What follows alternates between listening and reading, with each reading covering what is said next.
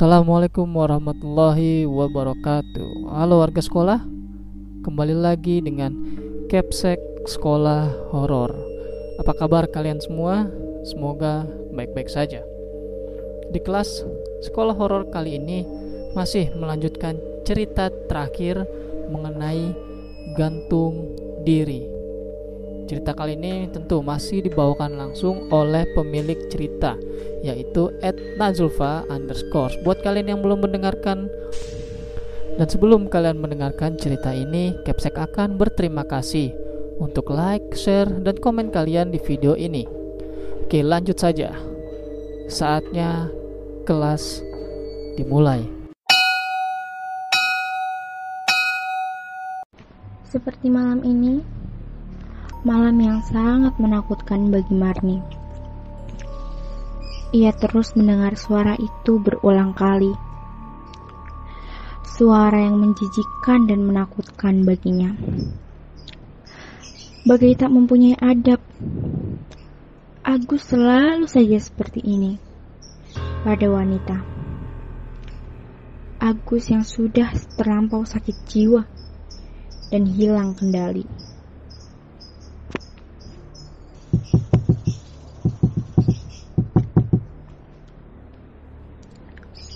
Pintu kamar Marni terketuk sangat keras. Marni tahu itu adalah Agus. Pasti ia akan menyuruh Marni melakukan itu lagi. Hal yang sangat dia takuti. Tapi, apalah daya seorang pembantu. Marni hanya bisa menuruti apa kemauan majikannya. Marni tak mempunyai banyak tenaga untuk melawan Agus.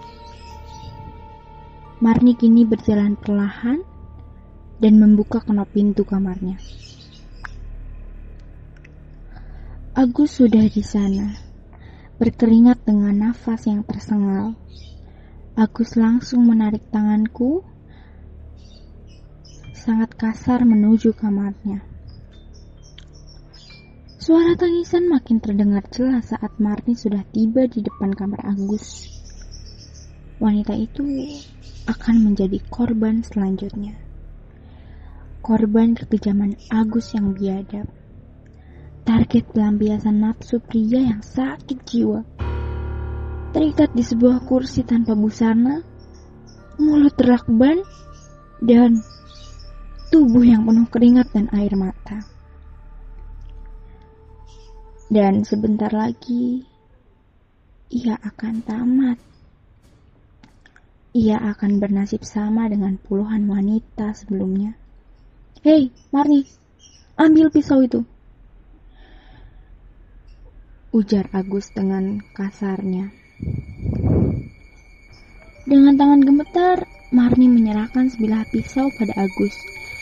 Pisau itu pisau yang sama, yang selalu digunakan untuk menghabisi mereka.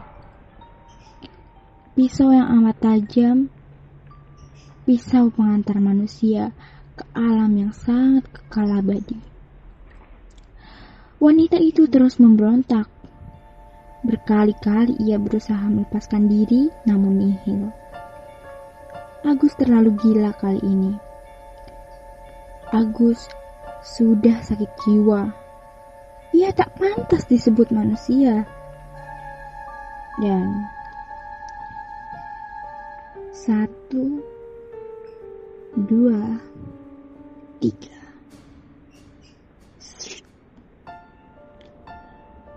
Agus menyayat leher dan menancapkan pisau pada leher wanita itu. Tak ada lagi respon tubuh yang diberikan oleh wanita cantik dan mempesona. Matanya melotot dan darah terus mengalir di lehernya.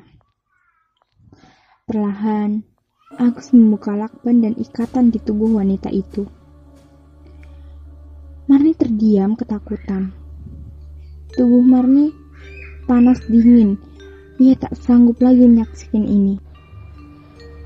Seperti orang yang kesetanan dan haus akan darah, Agus terus saja menyayat tubuh wanita itu. Berkali-kali Agus menyayat bagian intim wanita itu seperti sedang memotong daging. Dan dengan pisau terdengar jelas di telinga Marni. Mengerikan. Berkali-kali pula Agus menancapkan pisau pada perut wanita itu. Bersimbah darah, tersayat, dan penuh dengan luka tusukan. Agus dengan gilanya juga masih sempat menciumi wajah wanita itu dengan kasar. Merasa puas, sudah menyiksa tubuh wanita itu, Agus lalu menyeret tubuh wanita itu dan memasukkannya ke dalam karung yang amat besar. Agus lalu menekan dan mengikat karung itu dengan erat. Bantu aku, Babu, seperti biasa perintah Agus. Agus dan Marni berjalan ke pekarangan belakang rumah. Rupanya, Agus sudah menyiapkan satu lubang untuk wanita itu. Sangat cerdas. Marni membantu Agus untuk mengubur wanita itu dengan dalam. Wanita yang sangat malang telah terbunuh dengan tragis oleh tangan Agus yang kotor dan penuh dosa. Tangan Marni terus saja bergetar. Ia merasa takut. Takut menjadi korban selanjutnya. Dan takut dihukum oleh Tuhan. Dia dia terlalu bodoh karena membantu Agus. Marni ingin memarahi Agus dia juga ingin membunuh Agus secara tragis. Suatu saat itu akan terjadi, dan pasti akan terjadi. Setelah selesai mengubur jasad wanita itu, Agus lantas berjalan mendekat ke arah Marni. Ditatapnya wajah Marni yang sudah ketakutan luar biasa. Sedari tadi, Marni hanya menangis. Menangis takut dan bingung ia harus melakukan apa. Besok adalah giliranmu. Bersiaplah cantik. Bisik Agus di telinga Marni. Marni terdiam, mematung mencerna semua ucapan Agus. Apakah Marni harus merasakan sakit seperti wanita-wanita yang Marni kubur bersama Agus. Apa yang harus Marni lakukan sekarang? Ia tidak mau menjadi korban selanjutnya. Ia harus melakukan ini. Ia harus mengakhiri semuanya sekarang juga. Marni lantas menuju kamarnya. Ia terus menyeka air matanya yang kini turun semakin deras. Dengan, dengan cepat, Marni mengambil seutas tali dan mengikatnya kuat pada langit-langit kamar. Marni menyeret bangku dan meletakkannya tepat di atas tali itu. Marni menaiki bangku secara perlahan. Ia terus menangis dan melilit tali itu pada lehernya cukup kuat hingga membuatnya sesak bernafas. Aku akan memberi pelajaran untukmu, Tuan Agus. Marni lalu mengikat tali lebih kuat di lehernya, dan ia melompat dari bangku. Marni merasakan sakit yang luar biasa pada lehernya. Namun, di detik berikutnya, ia melihat dirinya tergantung di atas sana. Marni telah tiada. Matanya melotot, lidahnya terjulur keluar. Dendam Marni belum terbalaskan. Ia harus memberi pelajaran pada Agus. Namun, Marni telah tiada tiada karena menggantung dirinya sendiri. Keesokan harinya, Agus terkejut bukan main. Melihat sosok Marni tergantung di atap kamarnya. Agus ketakutan. Ia tak berani menuju kamar Marni lagi. Sampai malam hari, teror dari Marni pun dimulai. Teror yang sangat menakutkan. Teror yang sebelumnya tak pernah dialami Agus. Perlahan, hording kamar Agus pun terbuka. Dengan sendirinya, lampu di rumahnya tiba-tiba padam, dan tak ada lagi orang lain di rumahnya.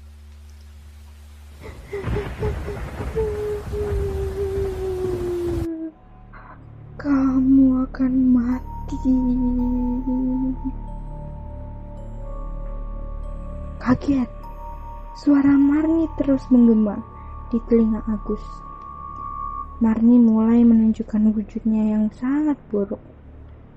Lehernya hampir putus, matanya melotot, dan giginya sangat buruk. Agus terus berteriak ketakutan. Ia berlari terseok-seok berkali-kali ia terjatuh. Marni terus melayang-layang di atas Agus. Marni terus saja menjatuhkan benda-benda yang ada di sekitarnya. Bruk! Kini Agus terjatuh dari atas. Tubuhnya terus terguling ke bawah sana. Darah segar mengaling, mengalir dari hidung dan mulutnya. Dan sekarang, Agus telah tak bernyawa. Marni telah membalaskan dendamnya. Walau tak sekejam Agus memperlakukan wanita-wanita itu. Hingga seminggu lamanya, jasad Agus dan Marni tergeletak di rumah mewah Juragan Karno. Mereka baru dikuburkan secara layak ketika sang juragan datang untuk mengunjungi rumahnya. Dan kini, desas-desus tentang kematian Agus dan Marni ramai diperbincangkan warga desa. Namun, hingga kini tak ada yang tahu ma tentang mayat di pekarangan belakang rumah Juragan Karno. Sepeninggalan Agus, rumah Juragan Karno tak lagi terurus. Tak ada satupun warga yang berani tinggal di rumah itu. Dan setelah kematian Agus, Juragan Karno tak pernah lagi mengunjungi rumahnya. Seperti menghilang dan tak pernah kembali. Entah ke mana Juragan Karno pergi. Hingga kini rumah itu masih ada. Bangunannya sudah usang dan sudah menjadi sarang hantu penasaran. Dan Marni Marni si kembang desa yang baik hati kini sudah melampiaskan dendamnya. Flashback off. Sekarang kita balik lagi ke sisi Zea ya. Marni tersenyum manis kepadaku. Jangan coba bunuh diri ya anak manis. Sungguh, aku tak mengira Ternyata ada orang sekejam Agus. Aku mengerutkan dahi dan mengelap air mataku yang sudah jatuh dari tadi. Apakah Mbok Marni masih merasa sakit? Aku bertanya dengan sedikit penasaran. Mbok Marni mengangguk. Tentu saja, balas dendamku hanya sebentar namun sakitku abadi, ujarnya. Ternyata bunuh diri bukanlah ide yang bagus menurutku. Dan balas dendam hanya bisa memperkeruh keadaan. Sudahlah, kau tidur saja. Jangan lagi memikirkan hal yang tak pantas untuk dilakukan. Jika kau ingin bertemu denganku, panggil saja namaku ucap Mbok Marni. Setelah mengatakan itu, Bok Marni pun melayang menembus tembok rumahku. Ia menghilang tanpa jejak. Mungkin yang dikatakan Bok Marni benar adanya. Aku harus istirahat.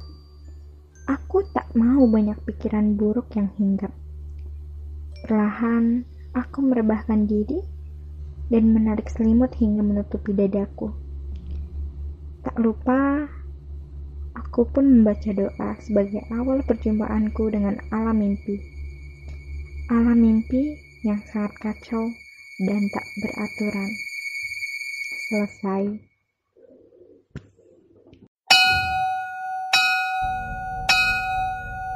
Itu dia cerita mengenai gantung diri. Jadi kalau kalian juga punya cerita-cerita horor yang ingin dibacakan atau kalian ingin membacakan langsung silahkan dikirim ke sekolah horor. Nanti akan Capsek upload di channel ini. Terima kasih buat kalian warga sekolah yang telah mendengarkan cerita ini dan terima kasih juga kepada akun Twitter @nazulfa underscore yang telah membacakan ceritanya, membagikan pengalamannya kepada kita semua. Jangan lupa untuk like dan share video ini agar warga sekolah horor semakin bertambah. Dan sampai jumpa di kelas berikutnya.